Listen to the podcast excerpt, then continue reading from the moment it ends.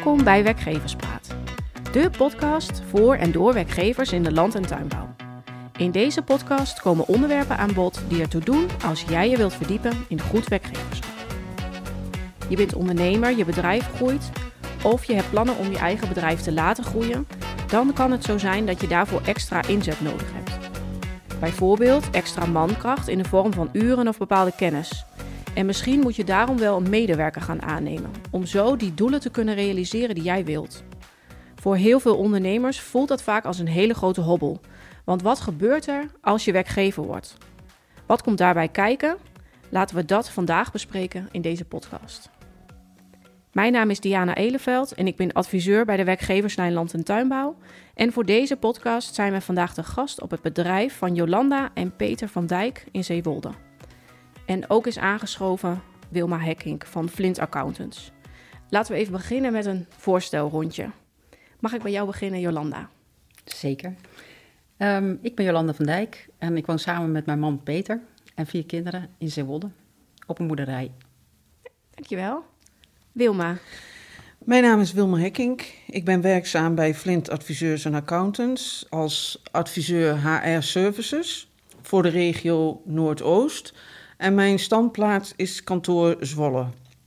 En mijn werkzaamheden die bestaan onder andere uit het adviseren van werkgevers bij het opstarten van een loonadministratie. En nou ja, advies op arbeidsrechtelijke en CAO-vraagstukken, arbeidsovereenkomsten, ontslag en nou ja, alles wat met personeel te maken heeft, wat er aan de orde komt, dat kunnen ze bij mij uh, terecht. Mooi, dankjewel. Fijn uh, dat jullie zijn. Fijn dat we hier te gast mogen zijn, uh, Jolanda. Peter is buiten aan het werk, dus we gaan met jou in gesprek vandaag. Um, ik wil graag eerst beginnen om even een beeld te schetsen van jullie bedrijf. Wat voor soort bedrijf hebben jullie en hoeveel medewerkers zijn hier werkzaam? We hebben een gemengd bedrijf, akkerbouw en melkvee. Uh, we melken ongeveer 160 koeien en we werken 120 hectare land. We telen uh, aardappels, uien, suikerbieten, mais en gras. En we hadden twee medewerkers in dienst. Uh, zij, wil, zij, wisselden elkaar elke zes weken af. Momenteel hebben we één medewerker, Rafael. Ja. ja. Um, wanneer zijn jullie hier op het bedrijf voor het eerst gestart met het werken met personeel? We zijn ongeveer 16 jaar geleden begonnen met Adam, een Poolse medewerker. En Adam heeft bijna 10 jaar voor ons gewerkt. En het bedrijf groeide zo hard dat we genoodzaakt waren om met personeel te gaan werken. Dus we zijn daar min of meer in, uh, ingegroeid. Ja, dus van, vanuit uh, het bedrijfsmatige uh, oogpunt was er zeg maar noodzaak om een extra iemand aan de slag te, te, krijgen. En, en, dat is jullie medewerker Adam toen geworden. Klopt. Ja, en hoe, nou ja, hoe is dat in zijn werk gegaan? Hoe heb je hem gevonden? Um, via collega Boer hier uit de buurt, die meerdere Poolse medewerkers in dienst heeft, hebben we gevraagd of hij misschien mensen wist. Ja. En op die manier zijn we aan adem gekomen. Ja, ja oké. Okay. Um, en uh, was uh, hij toen direct bij jullie in dienst of hebben jullie dat bij een payroll of een uitzendbedrijf uitgezet? We zijn begonnen met een payrollbedrijf. Ja. de andere medewerkers bij de collega Boer werden ook bij die payroll uitgezet. Ja. En dat wilden we gelijk houden. Ja, precies. Nou, dan, dan wil ik even naar jou uh, gaan, uh, Wilma. Uh, als adviseur weet jij veel van de verschillende arbeidsvormen die er zijn. Nou, ik noemde net al payroll en uitzenden, eigen dienst. kun je iets vertellen over die arbeidsvormen die er zijn? Ja, nou ja, wat je al zegt, uitzenden. Hè, dan ehm, schakel je dus, of je, je gaat naar een uitzendbureau toe en dan zeg je van wat voor medewerker je dan nodig hebt. En dan gaan hun in hun vergaarbak eigenlijk kijken van of ze daar mensen hebben die voor jouw onderneming geschikt is. Ja. Dus jij leent die mensen dan in. Ja. En op basis van het aantal uren wat die medewerker dan bij het bedrijf heeft gewerkt, krijgt de ondernemer een factuur. En nou, dan wordt dat financieel op die manier zeg maar geregeld. Ja. Dus je hebt verder qua uh, loonadministratie of uh, uh, andere zaken, het arbeidsrechtelijke deel, daar heb je eigenlijk niks mee van doen. Dat ligt allemaal bij het uitzendbureau. Ja. Hoe is dat bij payroll? Bij payroll is het, zit het iets anders in elkaar. Bij payroll dan doe je als ondernemer doe je zelf de werving en selectie. Dus en als jij dus een personeelslid of een medewerker hebt, moet ik dan zeggen, want het wordt niet jouw personeelslid. Nee. Um, nou ja, dan benader je een payrollbedrijf en dan geef je aan van ik wil graag deze medewerker op payroll zetten. En die doen dan in principe uh, voor jou de hele loonadministratie. Daar heb je dus verder niks mee van doen. Die werknemer komt ook in dienst bij dat payrollbedrijf. En dat gaat ook op basis van uh, het aantal uren met een factuur. Ja. Ja, en dus uh, als ik uh, het goed begrijp, dan is een verschil tussen payroll en uitzenden. Want ik denk dat voor veel mensen misschien heel erg op elkaar lijkt. Maar een verschil is de werving en selectie. Selectie. Ja, ja. ja. Bij payroll doe je het zelf. Bij uitzenden uh, doet het uitzendbureau dat voor jou. Ja, die heeft zelf mensen en die draagt ze dan bij jou als ondernemer aan. Wat ze dan eventueel voor jou ter beschikking hebben. Ja, ja. oké. Nou, en dan hebben we eigen dienst. En wat kun je daarover over vertellen? Ja, nou dan, uh, hè, als je, sommige ondernemers die hebben zoiets van, ik wil daar niet mee werken. Ik wil gewoon echt de medewerkers zelf gelijk op de loonlijst zetten. En dan is ook vaak de binding met het personeel en het personeel met het bedrijf, dat wordt toch vaak uh, als een, een, positief iets ervaren. Hè? Als via het uitzend of via payroll, dan sta je vaak toch iets verder uh, van het bedrijf af. En vooral als er ook en dan kan soms ook dat er toch al medewerkers werkzaam zijn. Dan heb je ook wat meer band met de overige collega's, als het toch allemaal op, op de eigen loonlijst staat. En de medewerkers die ervaren dat vaak toch ook wel uh, positiever. Ja. ja. ja. Door die binding. Ja, door de binding, maar zo zijn er nog wel wat andere zaken. Doordat die medewerker op een payroll die moet dezelfde arbeidsvoorwaarden en eventueel als er een CAO van toepassing is, moeten dezelfde arbeidsvoorwaarden krijgen als eventueel de overige medewerkers die in dienst zouden zijn. Dus die zijn daaraan gehouden. Ja. En vanaf 1 januari de afgelopen jaar, dus 21, is er ook dat er een pensioenregeling geregeld moet zijn voor die medewerkers. Ja. Dus er zit voor jou als werkgever verschil in wat jij kiest, ehm, maar ook voor de werknemer. Ook voor de werknemer. daar consequenties aan. Ja, ja, ja, precies. En je zei net al iets over het werkgeverschap. Um, iemand die een eigen dienst neemt, die staat op jouw loonlijst. Een medewerker via payroll of uitzenden staat daar op de loonlijst, als ik je goed begrepen heb. En wat betekent dat dan bijvoorbeeld voor, um, ik noem maar iets, ziekte of uh, ontslag? Uh, voor ziekte is het dat het payrollbedrijf en het uitzendbureau... dat die daarvoor verantwoordelijk zijn. Dus die moeten dan de werknemer uh, doorbetalen. En bij ontslag is dat uh, gelijk. Dus het uitzendbureau, die... Kijk, de ondernemer, de inlener bij een uitzendbureau... dus de inlener, die kan op een gegeven moment zeggen... van ja, ik ben jou niet meer nodig... Dus dan stopt dat met het uitzendbureau. Dus dan komt dat weer bij de uitzendbureau terecht. En bij het payrollbedrijf, dan is het zo dat de ondernemer eventueel zeg maar de opdracht of het contract wat ze dan hebben met het payrollbedrijf, dat ze dat kunnen opzeggen. Ja. Dus dat is voor die werknemer ook heel anders. Dus dat, en vooral bij uh, het uitzendbureau, dan is er toch een stukje onzeker, meer onzekerheid voor die medewerkers ook. Ja, ja. Dus uh, samenvattend, er zitten inderdaad verschillen aan. Zitten, hebben te maken met binding, hebben te maken met werkgeverschap. Wie is uh, juridisch de werkgever? Ja. Kunnen ook wat verschillen in arbeidsvoorwaarden, arbeidsvoorwaarden zijn. zeker. Ja. ja. Um, en dan is er ook nog zoiets als ZZP. Ja. Is dat ook een arbeidsvorm en hoe uh, werkt dat? Bij ZZP'ers, die ga je eigenlijk inhuren en dat wordt veel gedaan um, als je dus echt bepaalde kennis nodig hebt of dat je uh, tijdelijke opdrachten hebt, uh, dan ga je meer uh, naar de gang van een ZZP'er. En nou ja, daar heb je geen arbeidsvoorwaarden. Je spreekt met die ZZP'er een, een uurtarief af. En nou, het is wel goed om als ZZP'er Hè, want wanneer spreek je van ZZP'er? Ja. Dat is wel iets wat heel goed nagegaan moet worden.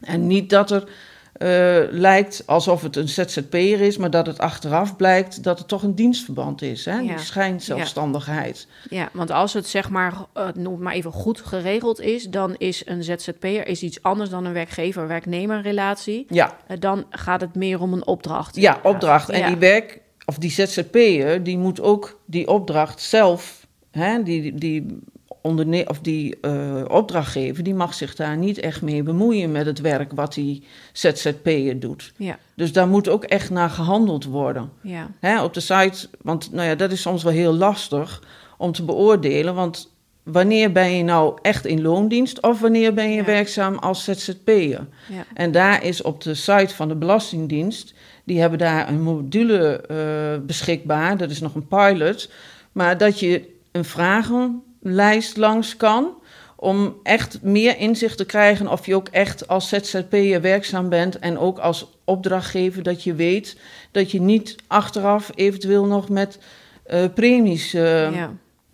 hè, die dan nagevorderd worden, want dat kan dan. Kan, ja. Kun je een voorbeeld noemen van een opdracht, bijvoorbeeld hier op een melkveebedrijf of een akkerbouw, akkerbouwbedrijf, wat je heel goed aan een ZZP'er zou kunnen verstrekken? Ehm, ja, nou ja, dat kan in alle disciplines wel zijn natuurlijk. Eh, hè, dus loonwerkzaamheden, eh, iemand die toch alle kennis heeft op het gebied van ja, het Nou, melken. Ja, jullie wer- werken sinds kort met melkrobots, Jolanda. Dat, dat is volgens mij ook iets heel specialistisch waar je misschien een keer een ZZP'er voor kan inhuren. Ja, ja, als je echt, eh, als de nood aan de man is, hè, dat kan ook bijvoorbeeld met ziekte of iets dergelijks zijn. Ja, Hè, dat, dat je dan echt een beroep doet op, op, op een eh ZZP'er. ja. Dus ja. Ja, eh, helder. Ehm, wil ik met jou, Jolanda, graag nog weer even kijken. Jij gaf dus aan, jullie eerste medewerker een aantal jaren geleden, die ehm, nou ja, was hier werkzaam via het payrollbedrijf, waar die ook bij zijn vorige werkgever aan de slag was. Werken jullie nu nog steeds eh, met eh payroll of is dat inmiddels veranderd in de loop der jaren?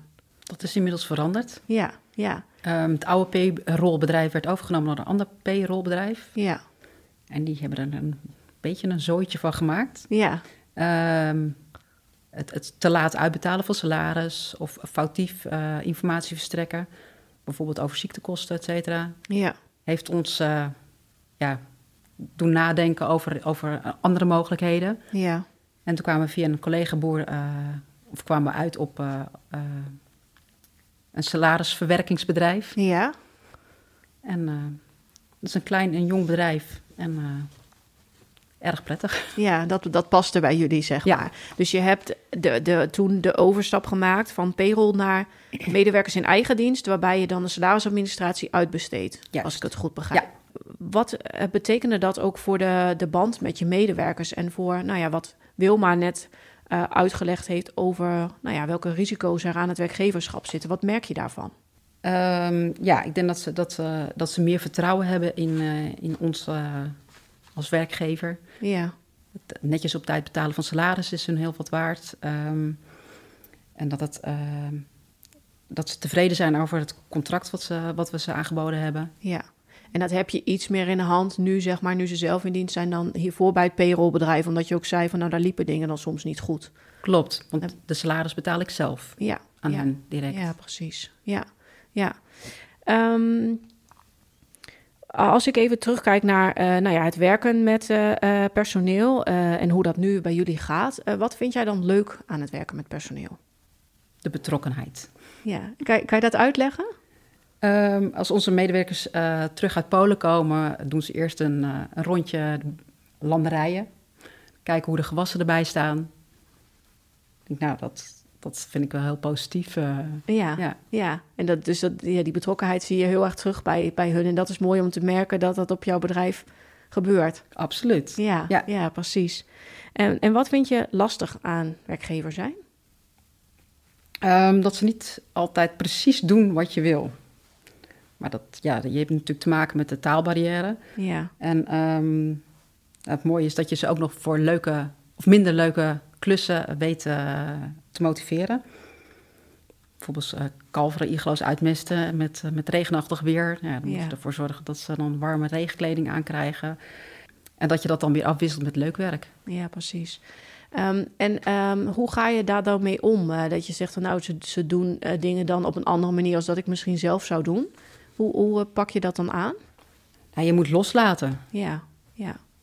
Uh, ja, en dat protocolmatig werken. En ik denk dat je zeker op een melkveebedrijf dat heel makkelijk kan in of aanpakken. Ja, door de regels waar je sowieso al mee te maken hebt. Ja. Ja, ja precies. Ja. Um, Wilma, ik wil graag even terug uh, uh, naar jou. Je hebt die, die verschillende uh, arbeidsvormen toegelicht net. Um, wat adviseer jij ondernemers? Wanneer kies je nou voor welke arbeidsvorm? Um, nou, ten eerste um, is niet zo dat ik zeg van je moet dit of dat doen. Je kan de ondernemer adviseren wat de mogelijkheden zijn, maar uh, de mogelijkheden moeten ook bij de ondernemer passen. Of bij het bedrijf, hè, in de processen. Kijk, ik kan me heel goed voorstellen dat een ondernemer die met piekarbeiders uh, of piekmomenten werken in, de, in het bedrijf, en die moeten dan soms een flexibele schil hebben. Dus dan kan het heel goed zijn dat ze bijvoorbeeld de vaste krachten zelf op de loonlijst zetten. En dat die flexibele schil of eventueel via payroll of via uitzend uh, gedaan wordt. Ja. Want uh, ja, en, en ook kan het zijn als een ondernemer, um, hè, dat maak ik wel vaak mee als ik mijn verhaal doe, wat er al zoal komt kijken bij een opstart van de loonadministratie en het zelf in dienst nemen van personeel. Dat die ondernemer dan zegt van ja, maar daar heb ik helemaal geen zin in, en al die regeltjes. En dus dat hij misschien daardoor zelf de keuze maakt van ja, maar dat, daar heb ik geen zin in. Dus dan kies ik daar niet voor. Nee. Kijk, je kan uitleggen wat de verschillen zijn en wat waaraan gehouden moet worden. Maar de keuze is toch eigenlijk wel zelf bij de ondernemer. Ja, dus het, het moet, je kijkt ook wat past bij jouw bedrijf, zeg je. Ja. Met hoe, hoeveel werk heb je en zijn daar pieken ja of nee. Maar Ja. ook wat past bij jou als ondernemer. Ja, Ja, want er komt natuurlijk ook een heleboel administratie om de hoek kijken. En dat kan Jolande denk ik wel eh, beamen. Dus ja, en sommige ondernemers die, eh, ja, die willen dat helemaal niet. Nee. Dus, maar goed, ja, dat zijn keuzes die de ondernemer dan maakt. Kijk, ik, hè, wat ik zeg, ik kan mijn verhaal doen, maar ik ga niet zeggen je moet het zus of zo doen. Dat is toch echt aan de ondernemer eh, zelf. ja. Hoe, hoe is dat eh, hier, eh, Jolanda? Want je hebt dan de eigen medewerkers, eh, een aantal weken op en een aantal weken af. Ehm, eh, maar werk je ook nog wel met, daarnaast met tijdelijke krachten? Bijvoorbeeld in, voor de akkerbouw kan ik me dat voorstellen. Ehm, ja, voor de uien hebben we medewerkers nodig die, die vuil hakken. Ja, En dan, dan kunnen we, ja, maken we wel eens gebruik van scholieren of via, Ja. een, via een uitzendbureau. Zo vul je je vaste schil zeg maar aan, ook even tijdelijk met flexibele krachten. Klopt. Ja. En we hebben stagiaires. Ook voor een, stukje scholing, zeg maar, om, eh, om eh, nou ja, mensen ook op te leiden zeg maar, in het werken wat jullie doen. Ja. Ja, maar dat Ja. werkt twee kanten op. Ja, ja Extra precies. ondersteuning en Ja. eh, Ja. Ja, iemand wijsmaken over eh, Ja. de werkzaamheden. Ja, ja, precies. En jullie werken sinds kort ook met, eh, met melkrobots. En wat betekent dat voor jullie voor het werken met personeel? Ehm, nou ja, we, zoals, zoals ik zei, we hadden twee medewerkers in dienst. Eh, zes weken op en zes weken af. Dus Ja. de ene verving de ander. Ehm, maar door corona ook mede, eh, ja, kom je gewoon lastig aan personeel. De jongens zijn een paar weken of een paar maanden thuis gebleven ook. Ja, Dus toen zijn we verder gaan kijken naar de mogelijkheden en nou ja, hebben we besloten om robots eh, aan te schaffen. Ja.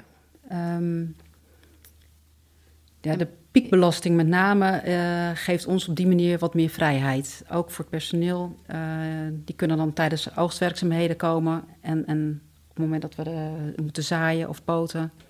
ja. Dus je kan, je kan eh, aan de ene kant flexibeler zijn en je bent ook minder afhankelijk van de medewerkers. Nou ja, dat concludeer ik dat goed? Klopt, ja, dus ja. eigenlijk ook door corona dat jullie daar nou ineens mee geconfronteerd werden. Klopt, ja. En dat het jullie ook aan het denken heeft gezet. Ja, ja. Ja, precies. En gaan de medewerkers ook eh, met de melkrobots aan de slag? Ja, ja. Ja. Je kunt hem eh, op, eh, in, in pols zetten. Ja, oh ja, ja. Dus ze kunnen daar goed mee werken. Ja, ja. ja. ook een nieuwe dimensie dus voor het werk voor die medewerkers. Ja. Dus het, het, het heeft ook weer invloed op de ontwikkeling. Nou, hij vond hen. het ook heel erg leuk. Ja, ja. Ja, Iets nieuws, moderns, ja. ja. Dus daarmee kan je ook weer wat, wat extra's bieden. Ja, Ja, oké. Ja. En, en de kosten, eh, Wilma. Ehm, kun je iets aangeven over verschil in kosten? Want ik kan me zo voorstellen dat daar eh, misschien verschillen zijn tussen eigen dienst en Ja. uitbesteden. Het is natuurlijk, ja, dat kun je wel stellen, dat als je het via het uitzend of payroll doet, dat je gewoon duurder uit bent. Ja, Dat is gewoon een feit, want ja, hun moeten ook een marge hebben om eh, alle administratie en risico's in te dekken. Dus dat is gewoon een feit. Dus het zelf in dienst nemen is wel voordeliger. Maar goed, daar zitten dus wel weer de nodige risico's en wettelijke regelgeving waar je je aan moet houden. ja.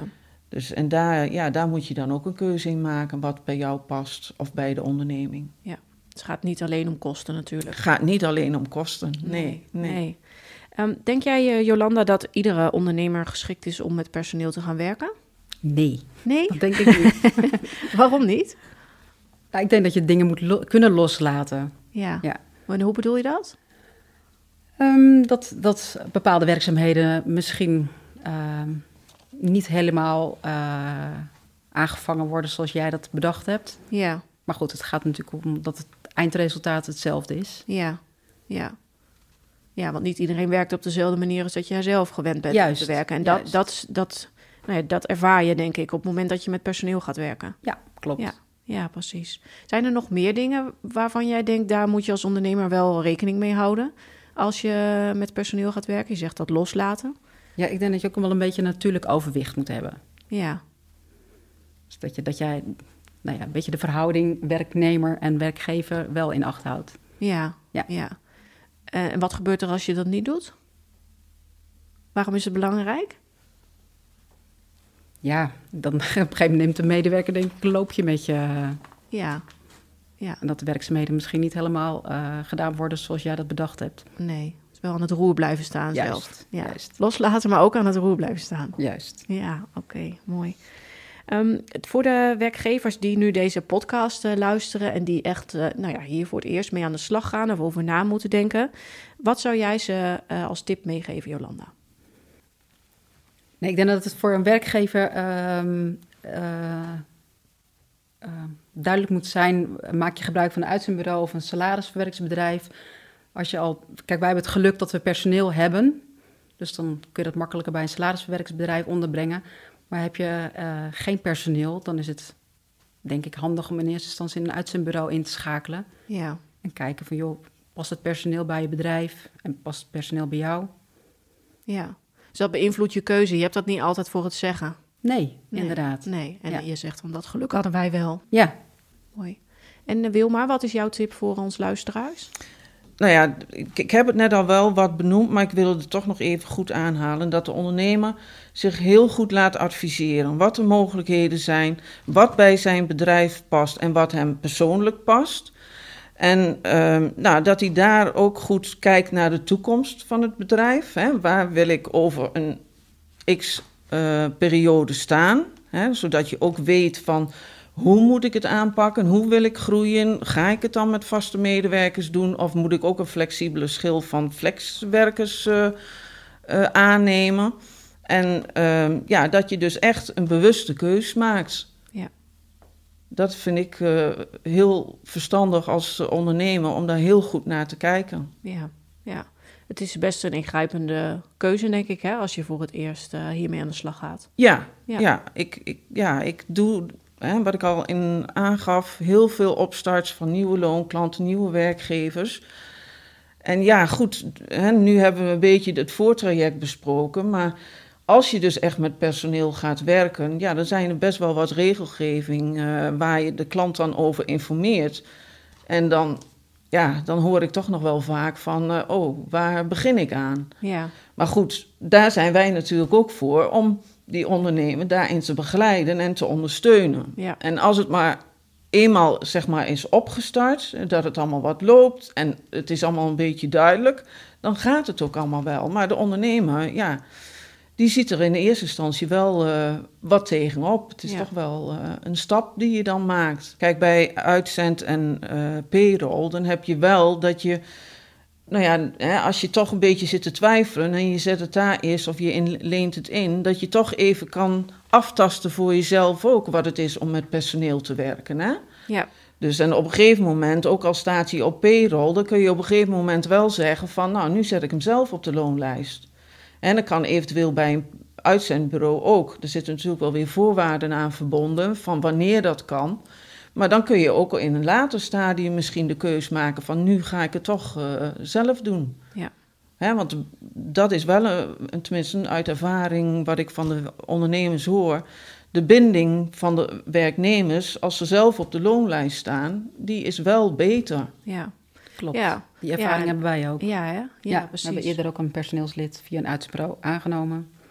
En uiteindelijk zelf op, uh, op de payroll, of op uh, salaris uh, verwerkt. Ja, ja, precies. Dus zo is het een soort uh, opstap, zeg maar. Als je toch voor het eerst uh, nou ja, extern zeg maar, mensen gaat inhuren... Uh, om, het, om het uit te besteden, om ook te kijken hoe het gaat misschien... en ook te kijken Ja. wat je aan elkaar hebt. Van beide kanten natuurlijk. Uh, en daarna dan die stap te maken naar eigen dienst. Ja, Ja. ja mooie opstap. Nou, dan denk ik dat wij hiermee uh, deze podcast uh, gaan, uh, gaan afronden. Um, um, ik hoop dat we ook een beeld hebben kunnen schetsen van de allereerste stappen. want heel terecht wat jij zegt, Wilma, er komen heel veel stappen nog bij kijken. En ik denk ook dat jullie dat hier ook ervaren hebben, Jolanda. Um, maar echt even inzicht in de eerste stap van welke keuzes zijn er nu om te maken. en dat dat hopelijk ja, ook beeld geeft van als je hiermee te maken krijgt, hoe je die, uh, die eerste stap uh, kunt zetten. Um, ik denk dat jullie hele fijne tips hebben gegeven voor de ondernemers die deze podcast gaan luisteren. En daar wil ik jullie uh, natuurlijk heel hartelijk voor bedanken, allebei. Graag, Graag gedaan. Als ik dit gesprek van vandaag samenvat, dan denk ik, Jolanda, dat jullie gestart zijn met het werken met personeel en gaandeweg dat proces daar heel veel over geleerd hebben met elkaar. En daardoor nu ook uh, ja, steeds beter inzicht hebben gekregen in hoe je je opstelt uh, als werkgever en alles wat daarbij komt kijken. Ook steeds bewustere keuzes maakt daarin. En uh, Wilma, jij hebt een hele fijne, prettige uiteenzetting gegeven van de verschillende arbeidsvormen en alle zaken die daarbij van belang zijn. En ik hoop dat het voor onze luisteraars inspiratie geeft om met dit thema aan de slag te gaan. Heb jij deze podcast geluisterd en wil je nou graag meer podcasts luisteren die ook te maken hebben met werkgeverschap? Uh, kijk dan even in je podcast-app of op de website van de werkgeverslijn. Deze podcast kunnen wij maken dankzij een bijdrage van Colland Arbeidsmarkt. Heb je vragen of opmerkingen? Laat het dan ons ook vooral weten. En voor nu heel hartelijk dank voor het luisteren en heel graag tot de volgende werkgeverspraat.